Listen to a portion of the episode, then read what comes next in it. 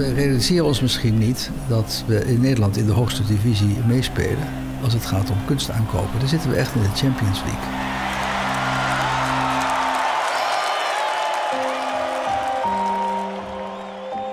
Je hoorde zo net een trotse Martijn Sanders. Hij was een paar jaar geleden, als toenmalig voorzitter van de vereniging Rembrandt, mede verantwoordelijk voor een van de duurste kunstaankopen uit de Nederlandse geschiedenis. Het gaat om een bronzen beeldje uit 1629 van een zekere Adriaan de Vries.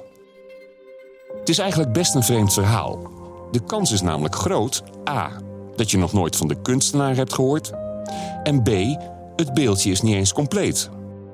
Toch is het kunstwerk voor maar liefst 22,4 miljoen euro naar het Rijksmuseum gegaan. Daar moet je wel iets heel bijzonders voor krijgen. Ja, het beeld is spectaculair. En wat je op een plaatje niet kunt uh, tonen, is wat er gebeurt als je om het beeld heen loopt. Het heeft een, een ongelooflijke kracht van opzij, van achteren, van, van voren. Er is eigenlijk niet eens echt een voorkant aan het werk. Het is iets waar je omheen loopt. Het heeft een enorme ruimtelijke uh, werking ook. Het is niet zo groot. Als je het ziet, denk je dat zal een mans hoog zijn. Dat is het niet. Het is kleiner dan, uh, dan dat. Maar de uitstraling is er eentje alsof het drie meter groot is. Mijn naam is Gerard Oonk. Dit is Eenmaal Andermaal met De Man van 22 miljoen. Een podcast van de vereniging Rembrandt, gemaakt door BNR. Over bijzondere kunstvoorwerpen en hun reis naar het museum.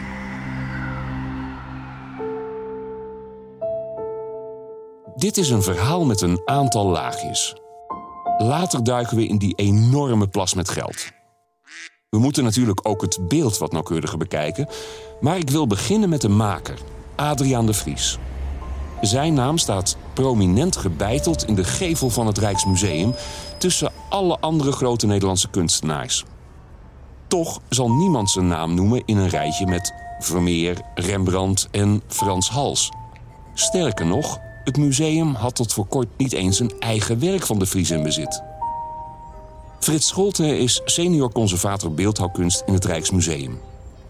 Hij kan de biografie van de Vries in een paar zinnen schetsen en legt meteen uit waarom we de kunstenaar niet zo goed kennen. Nou, de Vries is geboren in Den Haag, is als jongen uh, vrij jong al naar Florence gegaan. En is eigenlijk niet meer echt terug geweest ja, voor de begrafenis van zijn vader. Maar uiteindelijk als kunstenaar heeft hij in Nederland geen sporen nagelaten. Maar hij zat in een wereld van kunstenaars die ook allemaal Nederlands waren. En die toch een eigen taal en een eigen stijl hebben ontwikkeld. Die ontegenzeggelijk anders is dan die van uh, het land waar hij naartoe ging. In dit geval Italië en later uh, Praag en Zuid-Duitsland. De Nederlandse kunstgeschiedenis is groter dan Nederland. En dat zit hem in het feit dat wij heel veel kunstenaars hebben gehad die naar het buitenland zijn geëmigreerd, al in de 16e, 15e eeuw zelfs al. En die zijn een beetje door de kunstgeschiedenis verwaarloosd. Die zijn eigenlijk tussen wal en schip gevallen, want in het land waar ze naartoe gingen, zijn ze eigenlijk nooit opgenomen in de kunstgeschiedenis. En bij ons zijn ze vergeten omdat ze weggegaan waren. Maar ze horen wel degelijk bij die Nederlandse geschiedenis van de kunst. Adriaan de Vries wordt geboren in de late renaissance, rond 1560. Hij groeit op in een apothekersgezin en gaat waarschijnlijk in de leer bij een edelsmid in Delft. Dat is zo'n beetje alles wat we weten over de jonge jaren van deze kunstenaar uit Den Haag. Over zijn successen in de rest van Europa is veel meer bekend. Hij werkte het grootste deel van zijn leven in Praag. Zijn rijke, rijpe tijd is in Praag geweest. Daar heeft hij werkelijk zijn halve leven doorgebracht. En daarvoor heeft hij in Italië gezworven. Hij is in Rome geweest, denken we. Of dat weten we eigenlijk zeker. Hij heeft in Florence gewerkt. Hij is in Turijn geweest. Hij is in Augsburg geweest. Kortom, hij heeft gereisd zoals kunstenaars in die tijd die ertoe deden, vaak deden, omdat ze aan hoven wilden werken. Dat was de beste positie die ik kon hebben als kunstenaar. Qua geld, je was vrij van je gilde. Als je aan een gilde vast zit, zit je aan alle regeltjes vast. Dat had je dus niet. En je had een veel betere status. Een hofkunstenaar behoorde ook tot de hofhouding van de, de vorst.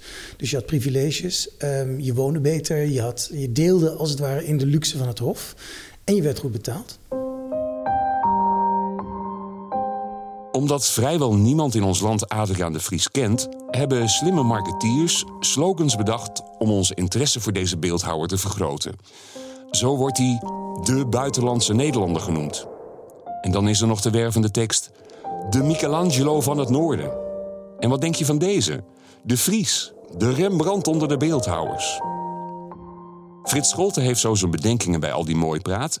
Maar hij ziet telkens ook een kern van waarheid. Nou ja, het is een beetje appels met peren vergelijken als je Rembrandt en Adrien de Vries naast elkaar zet. Want het is natuurlijk een schilder en een beeldhouwer. Maar wat, wat ze misschien bindt, en dat vind ik wel spannend, is dat ze allebei een hele losse toets gebruiken. Bij uh, Rembrandt is dat vooral in zijn latere carrière. De late Rembrandt, uh, zoals we hem kennen, is iemand die helemaal los gaat met het penseel en, en heel vrij schildert met kloddersverf en een bijna reliefachtig oppervlak. En Adrien de Vries doet dat in zijn beelden. Vanaf het begin eigenlijk. Niet alleen in zijn late tijd, maar in, in zijn hele loopbaan modelleert hij heel losjes. Alsof het schetsen zijn. En dat aspect, dat verbindt ze wel met elkaar. Uiteindelijk is natuurlijk uh, Michelangelo een veel universeler kunstenaar en heeft ook een heel andere status, laten we eerlijk zijn. Dat, uh, maar de bezieling die hij in zijn beelden legt, en hij is echt een beeldhouwer, Adrien de Vries. En Michelangelo was natuurlijk ook schilder erbij, was dichter, architect, ga maar door. Maar in de bezieling die hij in zijn beelden legt is wel degelijk zo bijzonder en zo invloedrijk geweest in die tijd, dat je die vergelijking wel een beetje mag maken. We kunnen dus concluderen dat Adriaan de Vries een grote jongen is geweest. Niet zozeer in ons land, maar wel daarbuiten. De Vries heeft rond 1600 veel gewerkt voor keizer Rudolf II in Praag. Rudolf had van regeren weliswaar weinig verstand, maar verzamelen kon hij als de beste. Hij spaarde kunst en kunstenaars dat het een lieve lust was. De Haagse Adriaan werd aan het hof ontvangen als een stervoetballer om nog maar even in die voetbaltermen te blijven. Over een paar minuten zal ik je vertellen op welke manier er ruim 22 miljoen euro op tafel kon komen voor een beeld van maar net een meter hoog en waarvan een belangrijk onderdeel ontbreekt. Laten we eerst eens kijken waar we het precies over hebben. De kenners zijn laaiend enthousiast. Je hoorde aan het begin de juichende woorden van Martijn Sanders. Ja, het beeld is spectaculair. Conservator Frits Scholte denkt terug aan de eerste keer dat hij het beeld zag. Uh, dan moet ik graven in mijn, in mijn geheugen, maar ik denk dat het geweest is in het vroege voorjaar van 2011. Toen uh, werd ik gebeld door iemand van Christie's en die zei: Ik wil iets bijzonders laten zien. En omdat ik me meer met Adrien de Vries heb bezighouden, was het logisch dat hij mij daarvan op de hoogte wilde stellen. Toen zijn Taco Dibbits, onze directeur, die dat toen nog niet was. Hij was toen uh, collectiedirecteur. En ik zijn naar Londen gegaan, naar Christie's, om het te bekijken. Het stond toen in een kleine donkere fotostudio. We hadden slecht licht.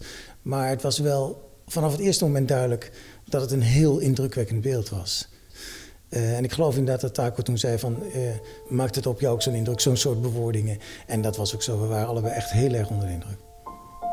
Het is het, het individueelste soort beeld dat je kunt voorstellen. Kunstenaars maken heel veel dingen, maken dingen in opdracht, maken dingen heel erg privé misschien. En hier zie je en je voelt aan alles dat dit een beeldhouwer is die in die late fase van zijn leven niet meer geremd is door enige restrictie, maar gewoon doet wat hij zelf het aller, allerbelangrijkste vindt. En dat weerspiegelt dit beeld enorm. De kostbare bronzen man heeft zeker drie eeuwen op een Oostenrijkse binnenplaats gestaan. Ik heb hier een ets uit 1700. Stel je een dronefoto voor van kasteel St. Martin in Graas. Je ziet van bovenaf een enorme vierkante vesting. In het midden is een plein met een soort verhoging. En daarop staat onmiskenbaar ons beeldje van Adriaan de Vries. Maar wel 300 jaar geleden dus. Een opvallend verschil is dat er een ronde bal op zijn schouders ligt. Als je inzoomt, ziet het eruit als een wereldbol. Die globe was best een dingetje toen Veilinghuis Christie's, het Rijksmuseum en wat andere kopers belangstelling kregen voor het beeld. Iedereen wist zeker dat Adriaan de Vries niets met het gevaarte te maken had. Het attribuut was van een andere legering en het was wat rommelig gemaakt. Het was gewoon een lelijk ding, heb ik de afgelopen weken heel veel kenners horen zeggen. Die bal is vrij snel na de aankoop van het beeld gesloopt. De titel van het beeld werd ook meteen gewijzigd. Met de Wereldbol was het nog Atlas en daarna werd het Bagant, naar de volgelingen van de Romeinse wijngod Bacchus. Afijn, leuk zo'n kromgebogen naakte man, maar is het beeld wel af als er niets op zijn schouders ligt, terwijl dat overduidelijk wel de bedoeling was? Conservator Frits Scholten. Het kan zijn dat het beeld niet af is geweest, maar zelf geloof ik dat niet. En daar heb ik twee redenen voor. Ten eerste denk ik dat het beeld als vorm, als, als houding, als pose een compleet beeld vormt. Het is ook een pose die vaker gebruikt werd in de kunst en door andere kunstenaars ook is gebruikt. Dus het is in zekere zin een volkomen eenheid. Maar ik denk dat het beeld waarschijnlijk bedoeld was voor een fontein. En dat er dus een soort waterleiding aan toegevoegd moest worden.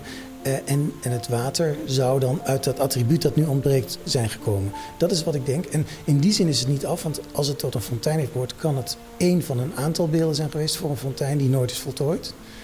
Of het is een zelfstandig beeld geweest voor een kleine fontein. En ook dan is het waarschijnlijk niet voltooid als fontein. En dat verklaart waarschijnlijk waarom dat element ontbreekt. Ik vermoed dat het dus niet af was en dat dat onderdeel er niet bij eh, of apart gemaakt is, omdat dat aan een waterleiding vastgezet moest worden enzovoort. Dus bij de hele montage van de fontein hoorde. Of het gemaakt is of niet, weten we niet. Uh, wat we weten is dat het beeld in de vroege 18e eeuw, dus een eeuw nadat het uh, gemaakt is, opduikt met die bol op zijn rug of op zijn schouder, dus als atlasfiguur. En dat is wat daartussen zich heeft plaatsgevonden, dat laat zich uh, raden op dit moment. Af of niet af? Het beeld wordt in 2010 bij toeval ontdekt in St. Martin door een medewerker van Christie's. En het zou dus geveild gaan worden. Het Rijksmuseum in Amsterdam had grote belangstelling, maar te weinig geld om serieus mee te kunnen bieden. Het Rijks klopte daarom aan bij de vereniging Rembrandt, want die club heeft een flinke zak met geld voor kunst aankopen. Martijn Sanders, de toenmalige voorzitter van de vereniging, kan zich nog goed herinneren hoe de procedure verliep toen de aanvraag binnenkwam. Het beeld stond toen nog bij Christie's en er waren alleen een paar foto's beschikbaar. Dat klopt, we kennen hem alleen van een plaatje. Dat is wat mij betreft zo gebleven totdat hij uiteindelijk in het uh, Rijksmuseum is uh, opgesteld. We hebben natuurlijk wel experts ernaar laten kijken om ons te adviseren. En dat was heel spannend, omdat het waarschijnlijk de grootste aankoop ooit zou zijn, gesteund door de Vereniging Rembrandt. En dan moet je wel heel erg zeker weten wat je doet. Bovendien, uh, Adriaan de Vries is niet iemand die even bekend is als, uh, als Rembrandt of Frans Hals. Of Jeroen Bos, om eens wat uh, te noemen. Dus om dan dat soort prijzen te gaan betalen voor zo'n werk... ja, daar, het is niet over één nacht ijs gegaan. Toen hebben wij aan Henk van Os... die al een hele geschiedenis met het proberen te verwerven van Adriaan de Vries achter zich heeft hebben Henk van Os gevraagd om daarop uh, uh, ons advies uit te brengen. Die heeft ons verteld dat er al heel erg lang achter een Adriaan de Vries wordt aangezeten. Dat in Nederland eigenlijk weinig aandacht is voor sculpturen. Wij zijn een land van schilderijen. En bovendien, die Adriaan de Vries is gemaakt voor het Hof van Frederik in Pruisen. En Nederlanders zijn niet dol op hofkunst. Dat kennen we eigenlijk ook in Nederland niet of nauwelijks. Dat zijn de, obstakels. Maar daartegenover staat het feit dat misschien Adriaan de Vries nog niet tot het kanon behoort, maar dat wel zou moeten gebeuren. We dachten dat het beeld zo sterk is dat het eigenlijk de perceptie van die periode in de beeldende kunst en ook dit soort van beeldende kunst hergewaardeerd zou gaan uh, worden. Dat heeft uiteindelijk geleid tot een uh, enthousiast positief besluit van de Vereniging Rembrandt. Maar het ging natuurlijk nog wel over het geld. We werden gevraagd voor 7 miljoen en onze reactie is geweest: wij willen, zijn bereid om dat met 2 miljoen te verhogen als het Rijksmuseum dat ook doet. Dus daardoor ontstond er bij elkaar 4 miljoen extra voor de aankooppot. Het gerucht ging, en dat bleek ook later een feit te zijn, dat er een buitengewoon vermogende verzamelaar achter de aankoop van dit werk uh, stond. En dat was dus een zware concurrent. Dus we wisten dat we echt diep in de buidel moesten tasten. Het eindbedrag voor dit beeld uit de Eredivisie werd 22,4 miljoen euro. Behalve het Rijksmuseum en de Vereniging Rembrandt hebben nog zeker tien andere geldschieters, plus een aantal anonieme schenkers, een fikse duit in de zak gedaan. Maar de buit is binnen en sinds 2015 staat de bagant zwierig te pronken in Amsterdam. Eindelijk wordt de naam van Adriaan de Vries op de gevel van het Rijksmuseum eer aangedaan. Ik vraag me tot slot af of zo'n aanwinst voor een conservator ook een troetelkindje wordt. Eentje die net iets bijzonderder is dan de rest. Kijk, conservatoren zijn aardsverzamelaars. En we hebben de mogelijkheid om dingen te kopen voor Nederland, voor het museum waar je werkt, die je zelf niet zou kunnen kopen, maar misschien wel zou willen hebben. En elke aanwinst die je doet, en die doe je natuurlijk niet alleen, maar die wordt een soort persoonlijke kleine trofee. En dit is geen kleine trofee, dit is een hele grote. Dus in die zin een troetelkindje. Ja, absoluut. Ik loop zeker elke week een aantal keren langs het beeld.